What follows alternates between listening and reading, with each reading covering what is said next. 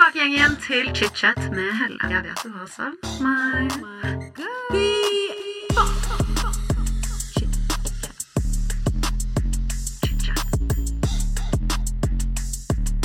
I dag får jeg besøk av en av Norges største influensere og youtubere, Hanna Martine.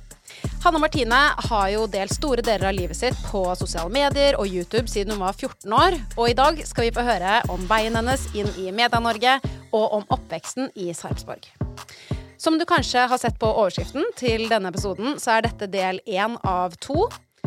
I dagens episode får du da altså del én, og du får høre om oppveksten til Hanna Martine, familiedynamikken og hvordan hun var som tenåring og rebellperioden hennes. Vi skal også snakke om et sårt og vanskelig tema i denne episoden. For når Hanna Martine var ca. 14 år, så kom det en eh, ny mann inn i familien deres. Moren til eh, Hanna Martine fikk en kjæreste som gjennom flere år mishandlet familien deres. Så dette er en trigger warning. Eh, hvis du ikke ønsker å høre om vold og mishandling, så anbefaler jeg deg å ikke høre denne episoden. Men uansett så ble dette en veldig koselig prat. Jeg er så glad for at Hanna Martine ville komme hit og fortelle om livshistorien sin til meg.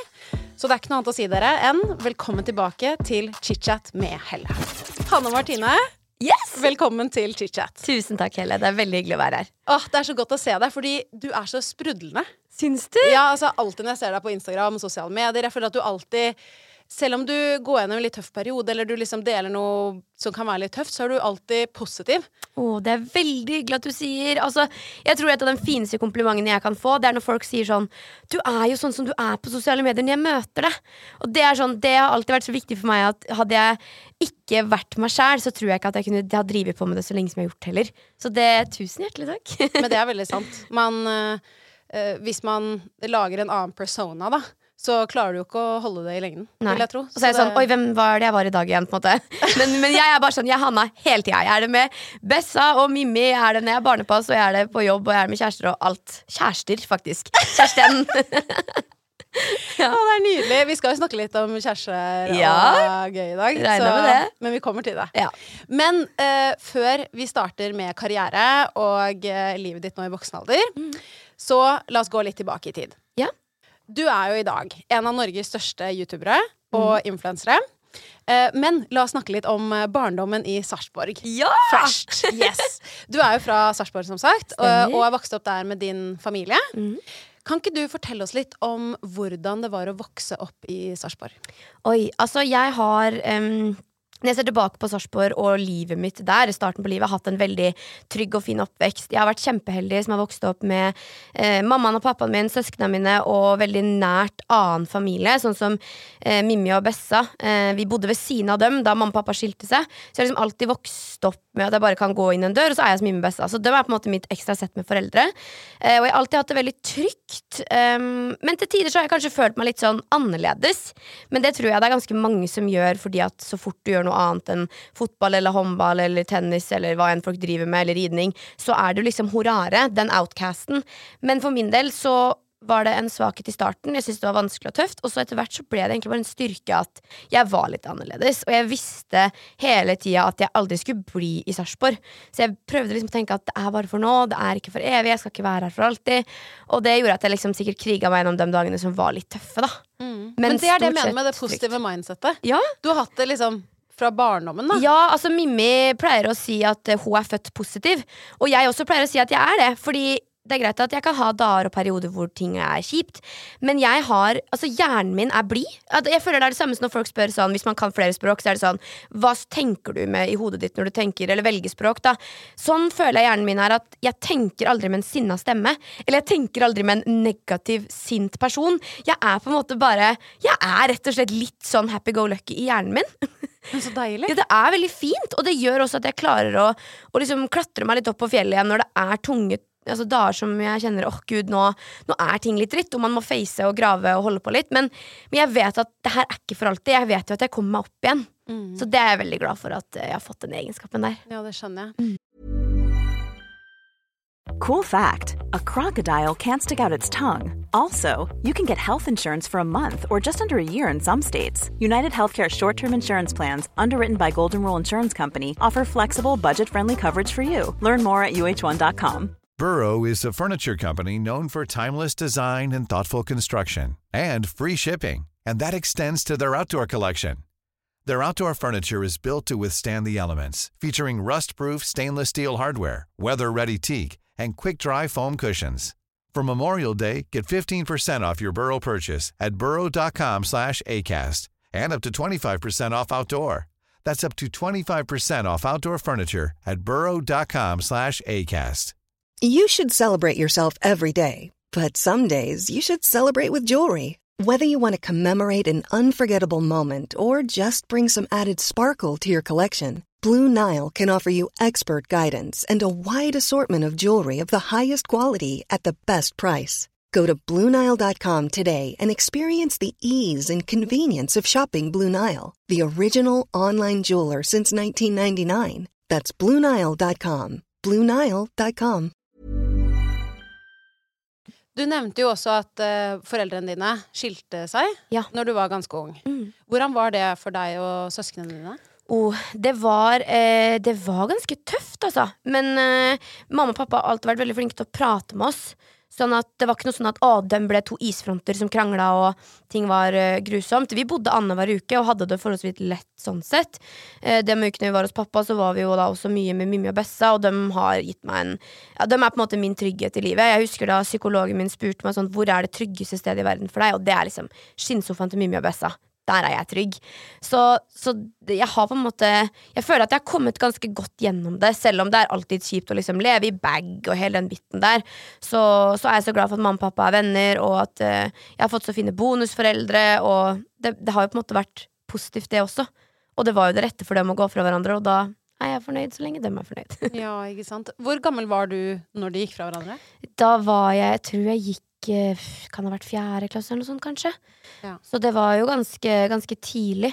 Men eh, jeg var heldig som, som liksom fikk være litt eldre og også føle at jeg kunne liksom passe litt på søsknene mine, uten at jeg tok noen sånn foreldrerolle. Men jeg har alltid vært litt veslevoksen. Og jeg tror nok at jeg liksom var litt kry over at jeg følte liksom litt sånn ansvar. At liksom jeg, vi lekte sammen, og vi var sammen, og jeg ble liksom litt sånn Jeg vet ikke, jeg tok liksom sikkert litt tidlig ansvarsroller. Eh, og, og for meg var det egentlig bare liksom Det var fint. Det har alltid føltes naturlig for meg å jeg kaller liksom vokse opp litt tidlig, uten at noen tvang meg til det. Men jeg, mamma sier jo det, hun også, at jeg har alltid vært liksom veslevoksen. Tatt mye plass i rommet. Eh, hvis broren min var sjuk da vi gikk i barnehagen, da liksom lo barnehagetanten av meg når mamma kom og henta meg, eller pappa for så vidt. Fordi at jeg var liksom, Da skulle jeg liksom ta de andre barna unna broren min, og jeg skulle ordne og passe på. Så jeg har alltid vært veldig sånn, liker å løse, liker å ordne opp og ja, styre, liksom. Å, det er hyggelig! Ja.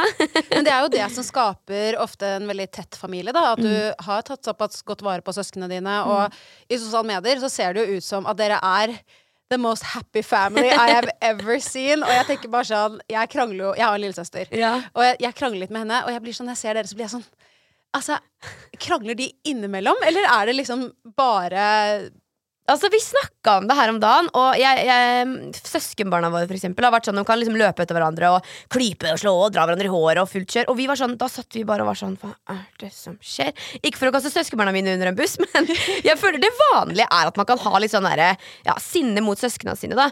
Men jeg og eller Sigrid og Nora og jeg, vi, vi har liksom egentlig aldri hatt noe sånn kranglesjel. Vi har bare jeg føler, hvert når jeg ser tilbake på det nå, og særlig nå når de er to av mine beste venner i voksen alder De kan komme og henge med meg og kjæresten min, eller de kan komme og sove hos oss en eller bare begge. Eller, altså, er, de er som hvem som helst andre venner av oss.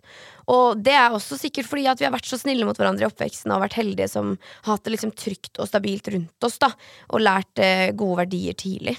Mm, helt sikkert.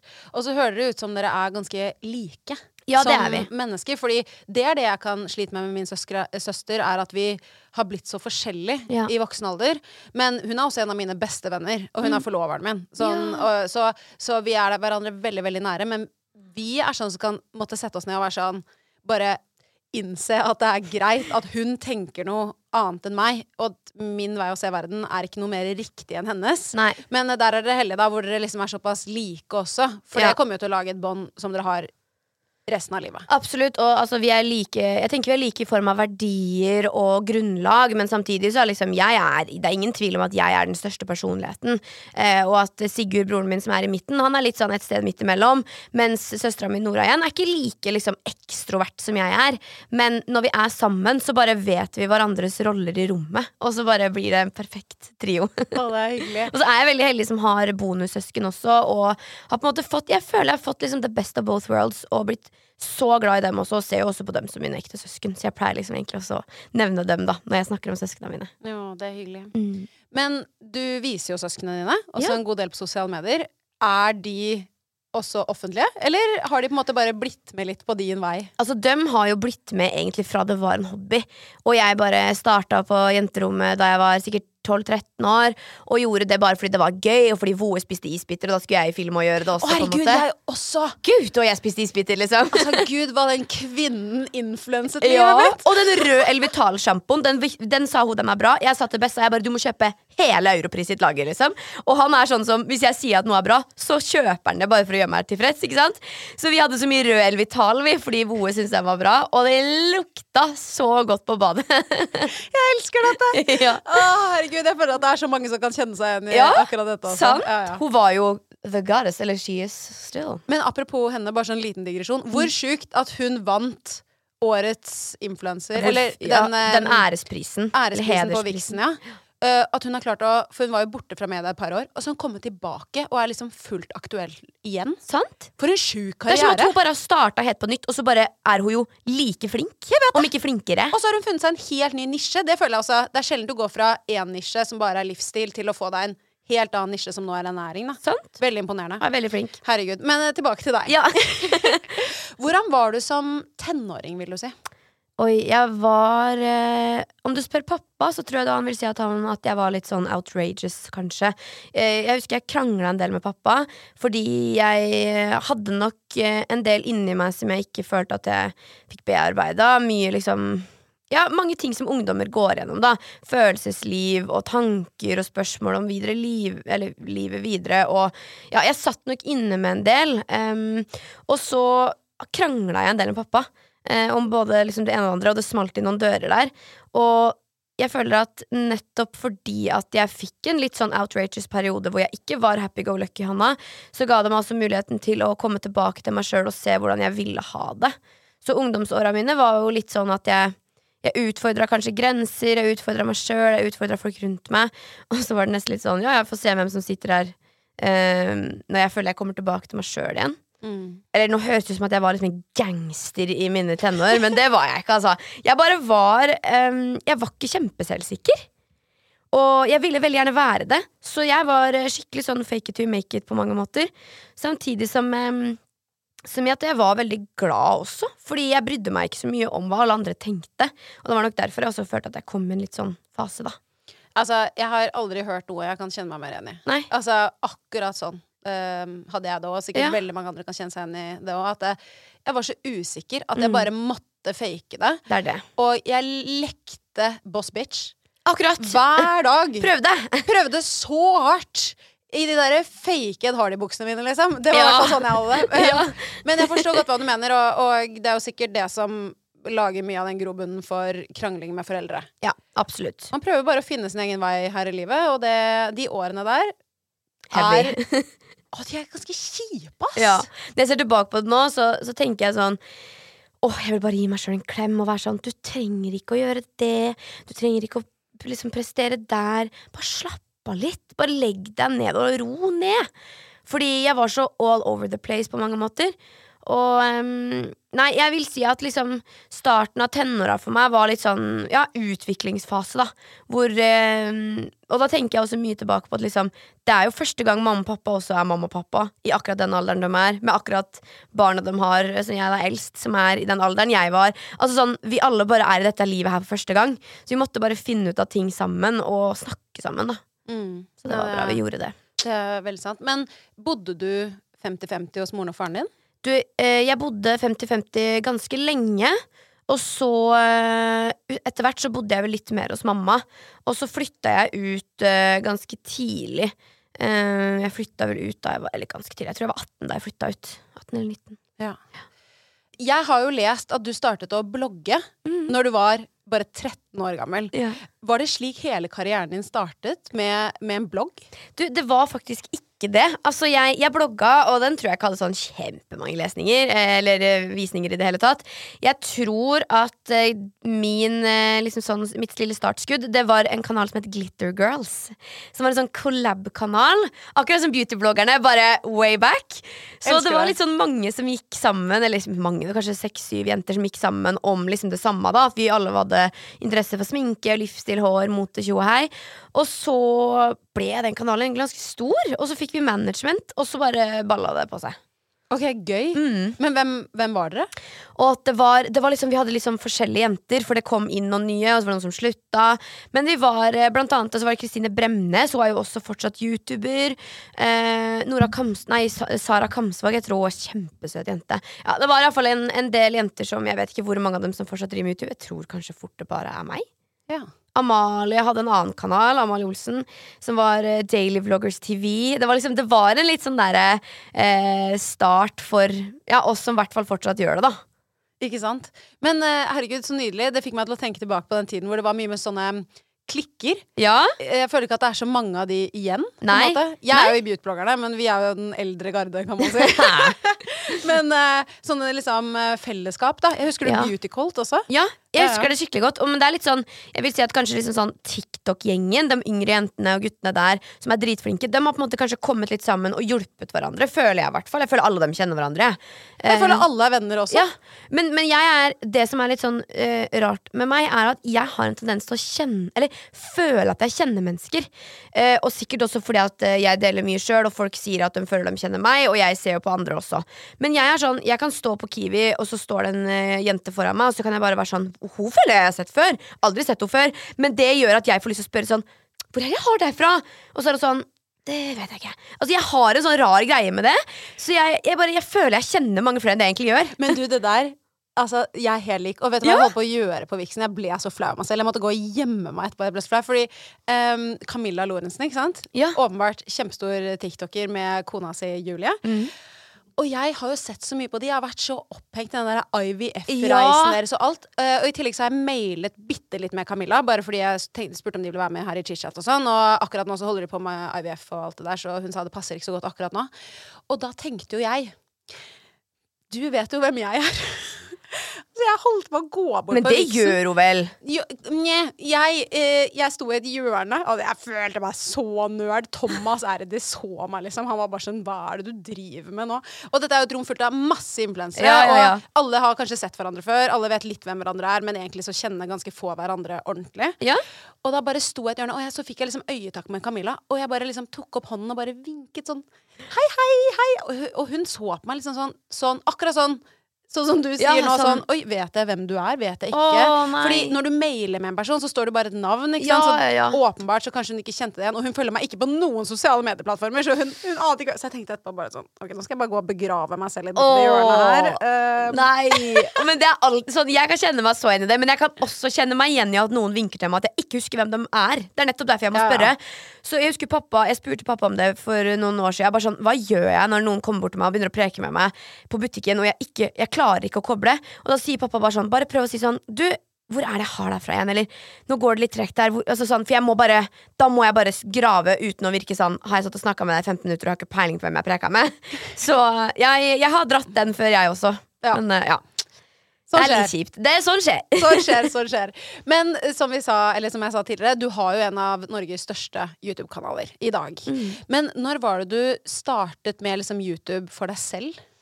Det var eh, da jeg var 14 år, tror jeg. 13-14 år, egentlig. Og jeg starta med min egen kanal ved siden av Glitter Girls. Og så laga jeg jo spørsmål til mine egne spørsmålsrunder. Faka litt der. Lata som at noen lurte på hva jeg hadde hatt på en uke her, og litt den tralten der. Jeg Eh, elsker at du innrømmer det. Fordi Ja, ja, ja. Når influensere sier sånn Ja, nei, fordi Mange så har mange har spurt det er, Kjolen min er fra Pock. Så blir jeg sånn Bitch, Har noen egentlig spurt hvor den kjolen Bare legg ut den ad-linken. That's Ja. fine. Nei da, men eh, jeg, jeg starta vel med å sende meg sjøl litt spørsmål, ja, og syntes det var veldig stas å liksom skulle ja, late som at noen så på i det hele tatt. Eh, og det var jo i den fasen hvor veldig mange andre i klassen begynte på idretter. Enten så gjorde de det stort, eller så kanskje prøvde de en ny idrett. Så jeg følte at jeg tok en litt sånn utradisjonell vei, og særlig når du kommer fra Sarpsborg, som er et relativt så lite sted hvor mange kjenner mange, em, så husker jeg en episode veldig godt, for jeg var på besøk hos en venninne, og vi var på skolen der og liksom hang. Og så var det en jente der som syntes at det jeg gjorde var kjempeteit, og hang meg skikkelig ut og snakka dritt. Og sånn, jeg husker at du er så skjør at det er sånn lik før du begynner å grine. Eh, og da var jeg sånn Jeg klarer ikke å stå i og forsvare hva jeg gjør, men jeg må det bare, fordi jeg liker det for godt til å gi meg. Så det var litt sånn at jeg starta eh, i starten av ungdomsåra, og så bare ga jeg meg ikke på tørre møkka. Og det har egentlig gjort at den dag i dag Så er det sånn folk kan si hva som helst til meg, og det bare preller av. Sånn virkelig. Det skal skikkelig mye til for å såre meg dypt. Da er det sånn Da er det liksom ja, veldig nært, eller noe som, som er ujobba med i hjertet mitt. Fordi stort sett alt føler jeg bare preller av, særlig om det kommer på nett. Fordi jeg er så i kontakt med følelsene mine, og du er i kontakt med hvem jeg er, og om en eller annen random hadde kommet bort til meg på gata og sagt du er stygg, så er det sånn det vet jeg at jeg ikke er. Jeg syns ikke sjøl jeg er stygg. Så liksom, det betyr ikke noe, på en måte. Og, og det har jeg kanskje hatt fra liksom, helt tilbake til den episoden der, da, for den glemmer jeg aldri. Og det er jo ikke sånn at det var noe mobbing eller noe, men det var bare Det bare satt et sånn skikkelig sånn støkk i meg. Men altså, så fantastisk at du orket å stå i det på den tiden. For jeg tenker at når man er ung, og noen kommer og skal prøve å drite deg ut eh, Hadde det skjedd med meg, så vet jeg ikke om jeg hadde sittet her i dag. Eh, fordi det er ganske mye mer heftig å stå i enn det man kanskje klarer å se for seg nå, da, hvor alt går Ja. bra, man har faste venner og Det er et veldig godt poeng. showe opp på skolen hver dag. Så det er veldig imponerende, egentlig. Ja. Og dritbra at du lar det prelle av deg nå, fordi det har sittet mange, mange gjester i den stolen hvor du sitter nå, og vært sånn vært veldig nervøse, da. Nesten vært Aspeløv, bare nevne Jodel. Ja. Fordi folk syns at det er ordentlig vondt, da. Å, men det leser jeg ikke. Det har jeg aldri lest. Mm. Og når jeg, jeg føler som offentlig person når jeg sier det, så er folk sånn Det har du! Men jeg har virkelig aldri lasta ned den appen på mobilen min. Og aldri lest noen kvinneguide eller noen ting. Og det er bare sånn fordi jeg tenker én ting, og det er You would never say that shit to my face! Så sant. Du hadde aldri kommet bort til meg på gata og vært sånn et eller annet Jeg vet ikke faen hva folk skriver om. Altså sånn, det, det hadde ikke skjedd. Og det er sånn, hvorfor skal jeg ta til meg drit fra folk som uansett ikke kan sende meg en konstruktiv melding på, på innboks eller hva igjen? Altså det og, Nei, det bare Det blir så far out for meg. Det betyr så lite. Og da er bare hodet mitt bare spinner seg rundt det der at vi bor på en flytende stein i et evig univers. Det fins milliarder av mennesker på jorda, og så skal jeg sitte og bry meg om hva en eller annen incel gjør på rommet sitt. Sitter og tenker og skriver om meg. Det gir jeg flatt faen i. Jeg elsker det! Ja, men jeg gir så Preach! faen i det. Og jeg, jeg skulle ønske at jeg bare kunne spre den holdninga over til andre mennesker. Fordi det betyr ikke at jeg er blind for tilbakemeldinger, for det må man ta i den jobben her, åpenbart, og generelt i livet. Men jeg tar da ikke tilbakemeldinger fra mennesker som uansett ikke har noe med meg å gjøre. Og jeg skjønner bare ikke at folk som skriver på Jodel, tror det er relevant. Det er sånn, det er, hvorfor gidder du? Finn på noe å gjøre, for du har åpenbart for litt å gjøre. Gå og plukk søppel, eller uh, mat bikkja di, eller besøk bestemora di, eller gjør et eller annet fornuftig. Jeg er helt enig. Det brenner inni meg når jeg hører at folk bruker Altså, jeg får så vondt av Av offentlige personer som tar til seg ting som skrives på nett, fordi det er liksom nei. Bare gi det vekk. Ready to pop the question? The jewelers at BlueNile.com have got sparkle down to a science with beautiful lab grown diamonds worthy of your most brilliant moments. Their lab grown diamonds are independently graded and guaranteed identical to natural diamonds, and they're ready to ship to your door. Go to BlueNile.com and use promo code LISTEN to get $50 off your purchase of $500 or more. That's code LISTEN at BlueNile.com for $50 off. BlueNile.com code LISTEN. Hey, it's Ryan Reynolds, and I'm here with Keith, co star of my upcoming film, If, only in theaters, May 17th. Do you want to tell people the big news?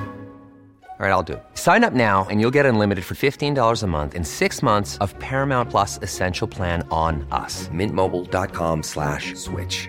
Upfront payment of $45 equivalent to $15 per month. Unlimited over 40 gigabytes per month. Face lower speeds. Videos at 480p. Active Mint customers by 531.24 get six months of Paramount Plus Essential Plan. Auto renews after six months. Offer ends May 31st, 2024. Separate Paramount Plus registration required. Terms and conditions apply if rated PG. Life is full of what ifs. Some awesome, like what if AI could fold your laundry? And some, well, less awesome, like what if you have unexpected medical costs? United Healthcare can help get you covered with Health Protector Guard fixed indemnity insurance plans. They supplement your primary plan to help you manage out of pocket costs. No deductibles, no enrollment periods, and especially no more what ifs. Visit uh1.com to find the Health Protector Guard plan for you. Men jeg eh, blir veldig påvirket av det, sånn generelt jeg, hvis jeg har lest ting tidligere. Men leser du jodel? Eh, jeg gjorde det i starten når jeg lagde chit-chat, Ja. også litt for å holde meg oppdatert på eh, hva som skjer, Ja. og hva folk tenker i den bransjen her, fordi det hjalp meg litt til å skrive manus, ikke for å liksom sette gjestene mine opp mot en vegg og spørre de de spørsmålene, men mer bare for å være sånn, ok, hvordan oppfatter mange mennesker influensere? Ja. Hvordan ser de andre menneskene som på oss, da, uten, utenifra, hvis det gir mening? Ja. Eh, men det endte med at nå har jeg bare måttet slette den, fordi jeg har møtt så mye fantastiske mennesker gjennom den jobben her, Mm. og jeg kan ikke la Jodel, for eksempel, sverte synet mitt av folk jeg liker veldig godt. Nei. Og Det er det, veldig du blir veldig påvirket av det uansett, så det at du ikke leser det og bare holder deg unna det, det er Finnes ikke noe bedre du kan gjøre Nei, for men egen jeg, helse. det, det tenker jeg også. Og Så tenker jeg litt sånn på prinsippet for min del er litt sånn om det hadde kommet en hund eller et menneske og satt seg og bæsja på verandaen min eller på gressplenen min, så hadde jeg gått og plukka det opp og kasta det vekk og vært sånn det skal vekk. Det er ikke sånn at jeg lar det ligge der. Og det føler jeg på en måte er litt det man utsetter seg for ved å lese på Jodel. Du lar bare folk bæsje på plenen din. Så er det sånn why though? Why? Det, hvis du har noe konstruktivt å si, kom gjerne med det, men da må du faktisk si det til meg. For jeg gidder ikke å lese hva en eller annen Det føler jeg blir litt sånn eh, barneskoleoppførsel. Jeg er helt enig. Da kan du like gjerne sende en privat hjem med fullt navn, og så bare vær ordentlig. Mm. Og oppfør deg som et menneske, så selvfølgelig. Og også tenke på at du snakker om mennesker, og man skriver anonymt til folk på nett. Jeg eh, vet jo at, um, at det er mange som sitter inne på tanker og meninger og lurer på ting, og, og det er jo greit nok at man kan diskutere om, eh, om personer som har valgt å være i det offentlige, men så tenker jeg sånn det er til syvende og sist mennesker du snakker om, som, som leser, og som kan lese det. Eh, og det bare syns jeg man skal holde seg for god for. Jeg er helt enig. Man har for mye tid på, i fritida si hvis man faktisk har tid til å sitte på Jodel og bruke tid på å skrive dritt om andre. Veldig sant. Ja. Jeg er så enig. Men eh, litt tilbake til YouTube. Mm. Uh, som tenåring så lagde du jo masse videoer. Og en video du lagde som var ganske emosjonell, uh, var en video hvor du fortalte at du var redd for moren din sin voldelige kjæreste. Ja. Du sier blant annet at du var redd for å ta mat på kvelden når du var hjemme. Du var redd for å miste noe i bakken. Du var redd for å si noe feil eller gjøre noe dumt. Du var redd hele tiden. Ja. Du sa også at ingen i huset var trygge. Vil du fortelle litt om denne perioden i livet deres? Ja, altså jeg sa jo så vidt i stad at mot slutten så, så bodde jeg mer hos mamma. Eh, og det var jo litt fordi at Eller det var litt Det er litt rart å tenke tilbake på, fordi jeg ville ikke være der for jeg var redd, men jeg ville være der fordi jeg var redd. Fordi jeg ville være der fordi jeg var redd for mamma. Eh, samtidig som jeg ikke ville være der fordi jeg var redd for hva han ville gjøre mot oss. Så det er litt sånn um, Det var litt Vel, det var ikke litt. Det var en veldig vanskelig periode av livet vårt. Og um, han var jo ikke snill. Og um, det var en veldig psykisk påkjenning å, å oppleve det. Um, og når jeg ser tilbake på det nå, så får jeg bare lyst til å gi den versjonen av meg sjøl en skikkelig god klem. For det der skal man ikke trenge å oppleve. Samtidig som at uh, familien vår, uh, mamma og vi søskna, kom veldig styrka ut av det. Uh, vi overlevde det. Vi kom oss over det, på en måte. Vi vant i rettssak over han. Han fikk fengselsstraffa si, og vi kom oss unna det. Og det har jo gjort oss altså enda mer sammensveisa, og at vi står enda mer stødig i hverandres rygger, da. Og at vi kan virkelig prate om alt. Um, men jeg, jeg husker veldig godt det, at jeg kunne bli igjen litt ekstra lenge på skolen. For jeg tenkte at jeg ikke ville øh, hjem, eller så var jeg redd for å ta feil buss, for da kunne han bli sint. Eller sånn. det, han var jo bare ikke snill. Og øh, det var skikkelig tungt. Ja, det skjønner jeg. Mm. Altså, jeg har jo sett bare litt av moren din eh, gjennom kanalene dine, og hun Mm. virker som verdens søteste, Det snilleste, mest omsorgsfulle person. Ja. Uh, hvor gammel var du når hun introduserte eller ble kjent med han? Jeg var vel eh, Kan det være Jeg vet ikke 11-12-13, kanskje? Et sted mellom Eller noe sånt noe. 10-11-12, jeg husker ikke helt. Men, men i starten så var han jo kjempegrei og snill og kjøpte iPhoner og Mac-er. Det var ikke måte på sydenturer og Men det er jo litt sånn typiske trekk, da, når du er klin kokos i skallen, at eh, man er veldig grei når det til å begynne med. Og så flytta vi til et eget hus med han, bort fra barndomshuset mitt. Og da, da begynte jo den godheten sakte, men sikkert å avta. Så da var vi jo redde hjemme konstant. Og jeg husker at eh, Jeg husker, og det her vitna jeg også om i rettssaken, at jeg kjente hjertet mitt banke i halsen. Sånn. Jeg visste liksom ikke hva det var når folk sa jeg har hjerte i halsen, men jeg kunne fysisk kjenne at pulsen min slo så hardt at jeg følte at det nesten ble kvert. Jeg var sånn det slår så fort. Og det, det, det, liksom- det ble så stort i halsen min. Så ikke bare følelsen av at pulsen åpenbart slår veldig hardt, da. Men eh, det gjorde også at jeg slet litt med å like menn. Altså, jeg ble hatsk nesten mot menn. Og, og han var jo Han eh, Nei, jeg vet ikke. Han, han eh, Jeg tenker ikke så mye på han nå lenger. Men jeg har tenkt mye på at jeg er livredd for å møte, eller var livredd for å møte en som han, da jeg begynte å date, for eksempel. Og jeg var jo Det var jo mitt verste mareritt. At jeg skulle ikke på en måte ha lært nok av den leksa til at livet mitt var sånn, eller universet var sånn Nå får du lære enda litt til, fordi du Jeg vet ikke, jeg, jeg begynte å overtenke mye, og det var bare Det var ikke bra. Men det er jo ikke så rart, det. Når du Nei. Ja, se moren din gå gjennom det, Mm. og du åpenbart kjente det så nært på kroppen, da. som Ja. når du forteller om disse angsthendelsene Mm. For det er jo sikkert en type angst, eller panikkangst, da, som må ha oppstått i mange situasjoner. Og man kan ikke gjøre noe. Det er sånn, Jeg kan stå der, men jeg har ingenting imot Jeg har ingenting jeg kan komme imot mot en 190 cm bjørn, liksom. Mm. Han er jo mye større enn meg. Og jeg husker jeg hadde Jeg har fortsatt den dag i dag mareritt om han. Eh, Men jeg har også brukt mye tid og penger på psykolog og terapeut og prate med folk. Og Sånn som for eksempel Da jeg møtte kjæresten min, så var liksom det noe av det første vi prata om da vi snakka liksom dypt. da Fordi jeg ville at han skulle være klar over det. Og jeg husker også sånn som På videregående så kunne jeg ikke se videoer eller filmer vi skulle analysere hvor det var vold. Eh, jeg reagerer veldig sterkt på liksom Blir liksom dratt litt tilbake hvis vi for er på byen og noen begynner å slåss i køen. Jeg ble klaska til av noen i en kø på et utested en gang. Og det var sånn Alt bare svartna til meg. Kroppen min ble helt stiv og kald og kvalm. Og jeg bare, det er sånn, man blir liksom nesten dratt litt tilbake, da.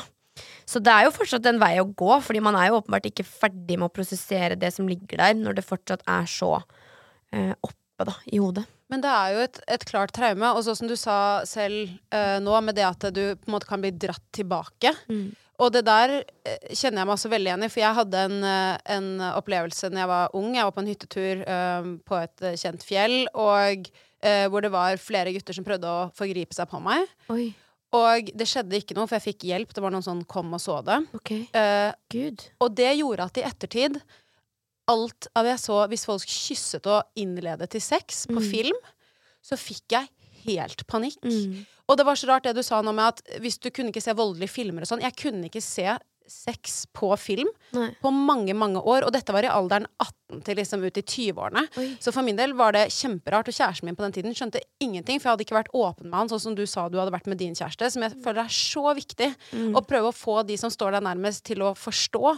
Fordi når man plutselig går inn i eh, ja, jeg vet ikke om man kan kalle det sikkert ikke en psykose, men at man kommer i en situasjon hvor man stivner helt. da Eller i sånn som jeg, jeg kunne begynne å hyperventilere Mm. og, og, og sånn øh, Og bli helt stille, eller, eller hyle. Altså det var enten eller. Det var liksom ikke noe sånn midt imellom. Um, men jeg tror det bare er viktig, hvis man klarer det, å være åpen med de rundt seg om sånne situasjoner. Og jeg tror Veldig veldig. at etterdønningene av et sånt traume snakkes ikke nok om, syns jeg, kanskje. Nei, jeg er helt enig. Og det er litt sånn Det ene er jo på en måte hva, hvordan han oppførte seg mot meg og søsknene mine. Men jeg, jeg, tenk, jeg, jeg, har tenkt mye på mamma i etterkant. For at um, det gikk jo fint med oss, men det kunne like så greit ikke gjort det. Uh, og særlig mamma. Uh, og det er liksom Det er det jeg har tenkt mye på sånn de ukene hvor vi var hos pappa. um, og at, uh, at hun og kanskje ikke ble trodd av ulike mennesker. Og liksom det å stå i det alene og ha tre barn, og du innser at vi må rømme. Jeg må komme meg bort. Og så står man der helt alene, og det var akkurat i den perioden også hvor, hvor mormora mi dessverre gikk bort, mammaen til mamma, og vi var veldig nære ho. Altså, sånn, det var så mye som skjedde. Så når jeg, jeg blir spurt om liksom, hvem er forbildet ditt, så er det ingen tvil om at det er mamma. Jeg kan faktisk ikke skjønne hvordan hun klarte å stå i det der, og fortsatt er den største solstråla jeg kjenner. Mm. Og så passe på tre barn, da. Mm. Sine egne barn. Må ha vært utrolig vondt. Ja. Men hvordan ble familiedynamikken mellom dere fire um, Nei, altså under den vi situasjonen? fikk uh, et veldig sterkt bånd, og jeg husker, eh, husker veldig godt at, um, at jeg tenkte mye på ja, dem jeg hadde rundt meg som familie, da. Eh, sånn Sigurd og Nora, dems trygghet, mammas trygghet. Og litt tilbake til det at jeg liksom alltid har vært litt veslevoksen og tatt litt ansvar, så, så tror jeg på en måte at jeg er en litt gammel sjel i ung kropp. Jeg føler at jeg alltid har sett mer enn de voksne tror, hørt mer enn de voksne har fått med seg, analysert bedre enn mennesker kanskje antar at jeg klarer. Og så føler jeg også at jeg er en veldig sterk menneskekjenner, og at jeg f en veldig sterk intuisjon og magefølelse. Så jeg eh, Nei, jeg, jeg bare Jeg husker at jeg satt mye på sidelinja og tenkte mye, hørte mye og bekymra meg i ro. Altså, jeg Det var ikke alt jeg sa. Men, øhm, men etter den rettssaken, som var i 2016, om jeg ikke tar helt feil, så Eller kanskje det var, kan ha vært litt før, kanskje 2014 eller 2015. Jeg ble litt usikker. 2015, kanskje. Du var 16 år når du vitnet. Ja, jeg var Ja. 16 år da jeg vitna. Det stemmer. Den filmen ble også vist i rettssaken, faktisk. Oi. Den YouTube-videoen. Og da sa han eh, at han ikke syntes det var greit, eller et eller annet sånt. Og da spurte vår forsvarer Ja, men hvis ikke du har gjort det, hvorfor, det så, hvorfor treffer det deg så fælt? Og da sa han ingenting. Å, fy faen. Mm. Det var Jeg husker da han kom inn i rettssalen, så, så hadde jeg bestemt meg på forhånd at jeg skulle ha på meg Marius-genser. Av en eller annen grunn. Og så hadde jeg bestemt meg for at jeg ikke skulle slippe blikket hans før han slapp mitt. Og han slapp først. Og da kjente jeg sånn Det var min lille seier. At Mm. jeg holdt blikket lengst. Det Og jeg husker fikk jeg. helt gåsehud. Mm. Jeg fikk helt eh, Det kjente jeg skikkelig. Ja, det var sånn jeg, Det er sånn jeg aldri glemmer at fra han kom inn liksom til vi satt oss, så så, så vi på hverandre til han slapp. Mm. Han ble jo dømt for grov mishandling. Mm. Og du har jo også nevnt tidligere i et intervju til Se og Hør at han hadde raseriutbrudd som kunne bli påvirket av den minste ting. Mm. Eksempel at du danset på rommet og hørte på musikk, så kunne han eksplodere. Ja. Du forteller jo bare selvfølgelig det du ønsker, men kan jeg spørre Denne mishandlingen, gikk den kun utover moren din? Det har jeg ikke lyst til å prate om. Nei, men da snakker vi ikke om det. Nei. Selvfølgelig gjør vi ikke For det vet jeg kommer til å begynne å grine av.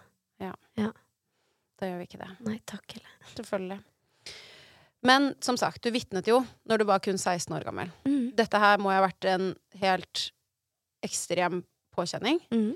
Um, hvordan var det for deg på den tiden å, å ta den rollen? For du hadde sikkert et valg om du skulle gjøre det eller ikke. Eh, det var ikke noe tvil om det, altså. Det var eh, helt sjølsagt. Og eh, det var også en annen familie som var i den, eh, i den rettssaken. Så det var liksom sånn vi kom sammen og ble trodd. Eh, mamma og en til. Eh, og det også er jo bare power ut av en annen verden. Selv om det er så trist som det bare kan få blitt, så er jeg så glad for at, ja, at vi ble trodd av og kunne stå der. Jeg gikk i første videregående, og da var det ikke fraværsgrense, husker jeg. Og det kan jeg være jækla glad for den dag i dag, fordi jeg hadde sikkert 60 dager fravær første videregående. Fordi hjernen min og hjertet mitt var bare sliten. Altså, jeg var skikkelig, skikkelig sliten. Og det tyngste var eh, Jeg husker at de satt og skildra ting som hadde skjedd mot mamma. Øh, og da måtte jeg bare gå ut av rettssaken, for jeg begynte å hyperventilere og gråte og skrike så mye at uh, dommeren bare sa du er nødt til å gå ut om du skal måte, ha de reaksjonene. Fordi det ble jo helt kaos for meg. Så da ble jeg tatt ut på gangen, eller fulgt ut på gangen, og satt der uh, en stund til pappa kom, for han også skulle vitne. Så, så hele den Det er egentlig nesten det eneste jeg husker fra rettssaken, at jeg vitna sjøl. Eh, og at uh, jeg endelig liksom fikk stått opp for meg sjøl, og at uh, jeg slet med å høre på hans forklaring. For det var så forbanna flaut å sitte og høre på en voksen mann ljuge regelrett i mange dager. Så da måtte jeg bare ut, og um, samtidig så bare følte jeg en enorm styrke i at vi var flere som var mot den, og at em, ja, at, at vi vant, da. Men, men tida etterpå husker jeg var rar, og folk øh, kom bort til meg på skolen og var sånn Du, jeg så videoen din, og jeg beklager, og jeg er lei meg for at du har gått gjennom det. Og jeg fikk jo helt sjokk, fordi jeg visste jo ikke at jeg kom til å få så stor respons. Uh, men jeg var samtidig så utrolig glad for at jeg kunne bare lette på trykket. Si det til noen. Mm, det skjønner jeg. Mm. Veldig. Og, øh, og dere vant, Ja. som du sier. Fy faen, så bra det er. Ja, og han Unnskyld fikk jo ikke banner, lang ass. fengsels... Han, han fikk jo, jeg tror det var to år, jeg. Og Ja. det er jo egentlig ganske lenge til å være en sånn case, men at han får to år da for å ødelegge, eller ta oss vekk fra våre vanlige liv i eh, hva kan det ha vært fire-fem år, det er jo helt sykt, Mm. syns jeg. Og at det måtte på en måte to familier til. Nå vet jeg ikke åssen det hadde sett ut hvis vi var bare vår case, da. Men det var jo to eh, familier i denne saken. En annen dame og hennes barn og oss.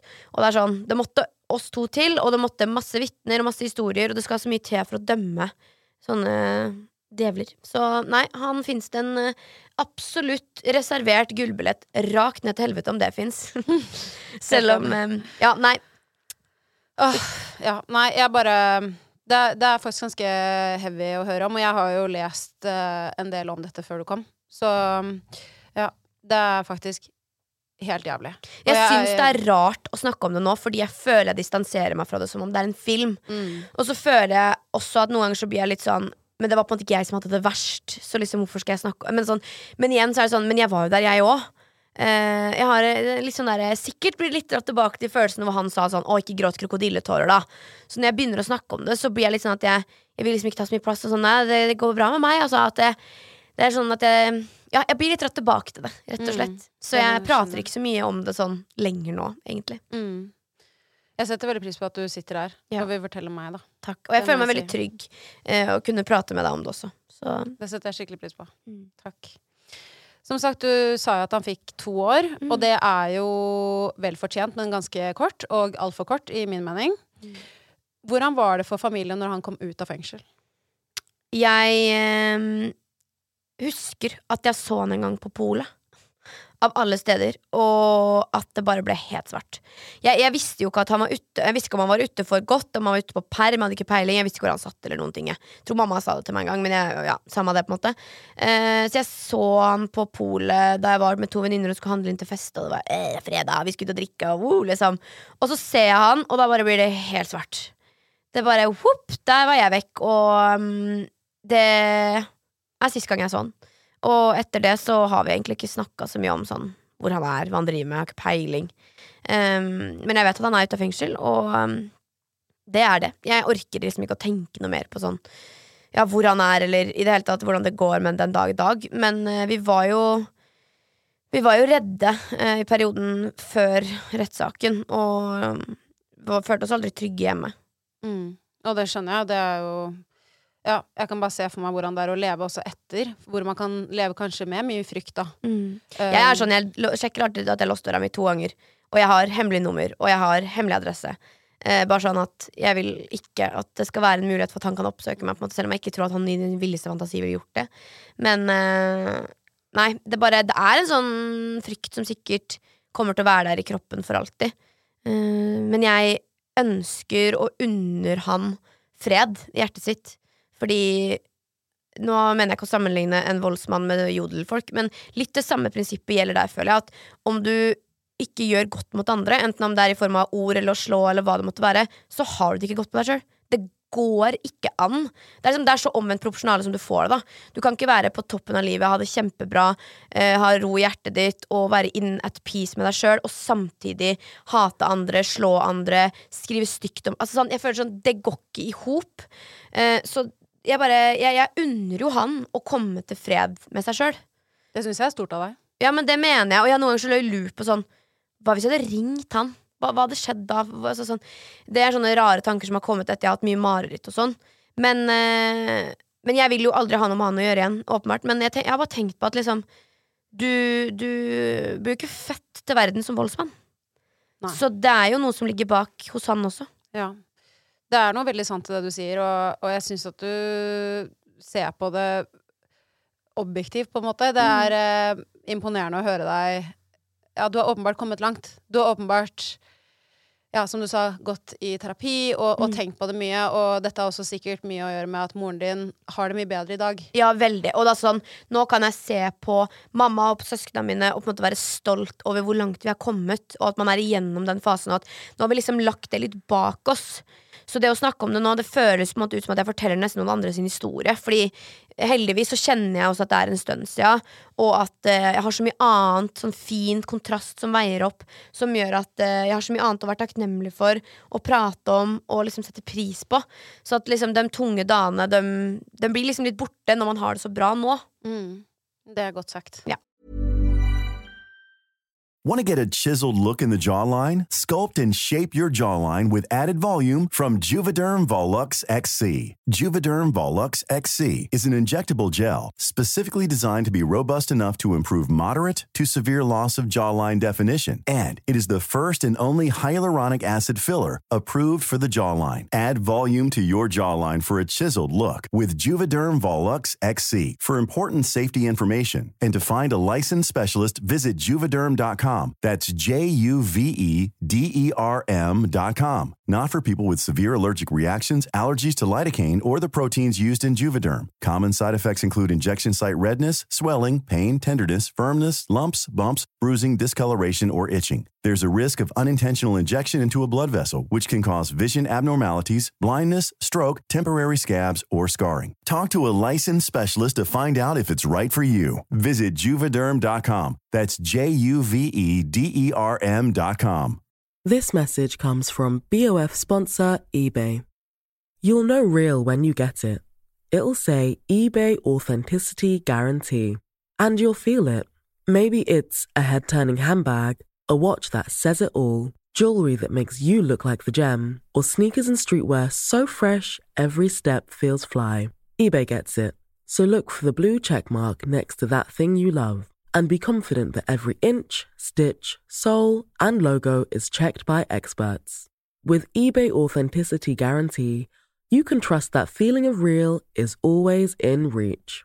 Ensure your next purchase is the real deal. Visit eBay.com for terms.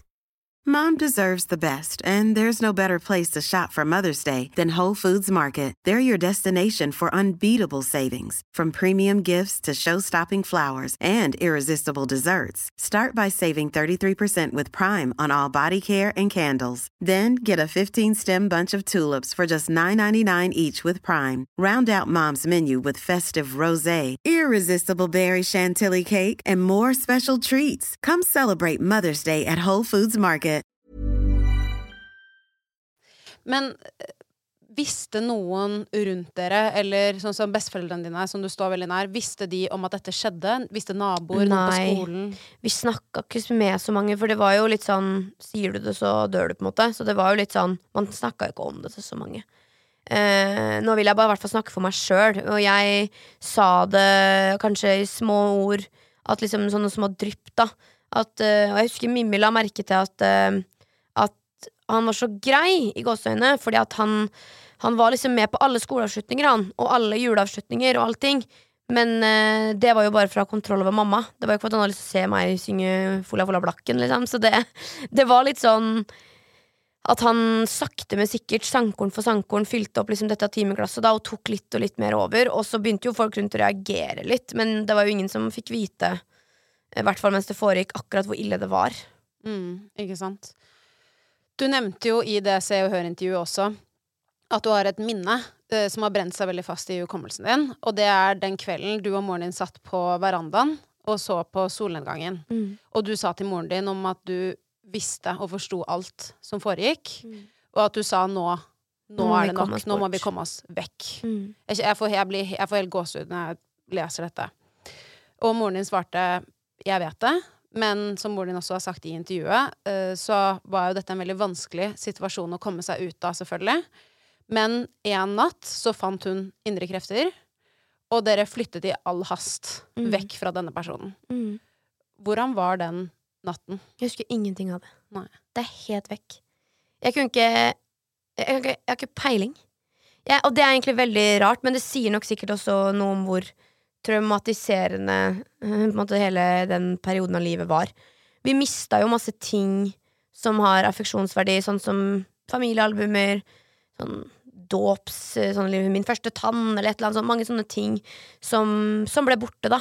Men som eh, det 100% var verdt å miste for å berge livet sitt, eh, selvfølgelig. Så det, akkurat den perioden der av livet er ganske borte. Jeg husker bare at vi flytta liksom inn og var veldig mye hos mormor. Men så døde jo hun like etterpå. Og vi sto kjempenært mormor, like nært som Mimmi og Bessa, som jeg på en måte har bodd hos. Så det var jo altså så, så vondt for mamma og for oss. Og da følte det på en måte ut som at livet bare aldri slutta å sparke baller vår vei. men, men etter hvert så fikk vi da kjøpt oss Eller mamma hadde kjøpt oss et hus uh, hvor vi kunne flytte inn der. Og så måtte vi jo bare prøve å få videre, livet til å gå videre, da finne humor i små ting og være sammen og ja, bare gjøre det beste ut av det. Da bodde vi i et veldig lite hus eh, hvor søsknene mine lå på et rom i køyesenge, og mamma og jeg delte seng, eller så lå mamma på sofaen. Så da bodde vi jo ganske sånn smått, men det var jo det vi måtte gjøre, da. Ja. Jeg ser bare at denne episoden blir såpass lang. Ja. Og eh, jeg syns at det er fantastisk å sitte her med deg, så vi må lage en del to. Yes. Så til dere som lytter, så vil jeg bare si at del to kommer neste torsdag. Og da er det bare å lytte, da. Og husk å abonnere på ChitChat, så får du opp episoden når den slippes. Um, og så, ja, uh, sier vi takk for nå til denne episoden. Mens Hanna og Martine, vi bare fortsetter. Vi fortsetter. Vi fortsetter, Og så får dere som lytter, um, høre resten. Del to neste torsdag. Yes. Og til deg som har lyttet til denne episoden, hvis du likte det du hørte, så gå gjerne inn i appen og abonner på ChitChat med Helle. Da får du automatisk opp nye episoder hver eneste torsdag. Og hvis du er ekstra grei, så legger du gjerne igjen en review. Det hadde jeg satt kjempestor pris på. Vi høres!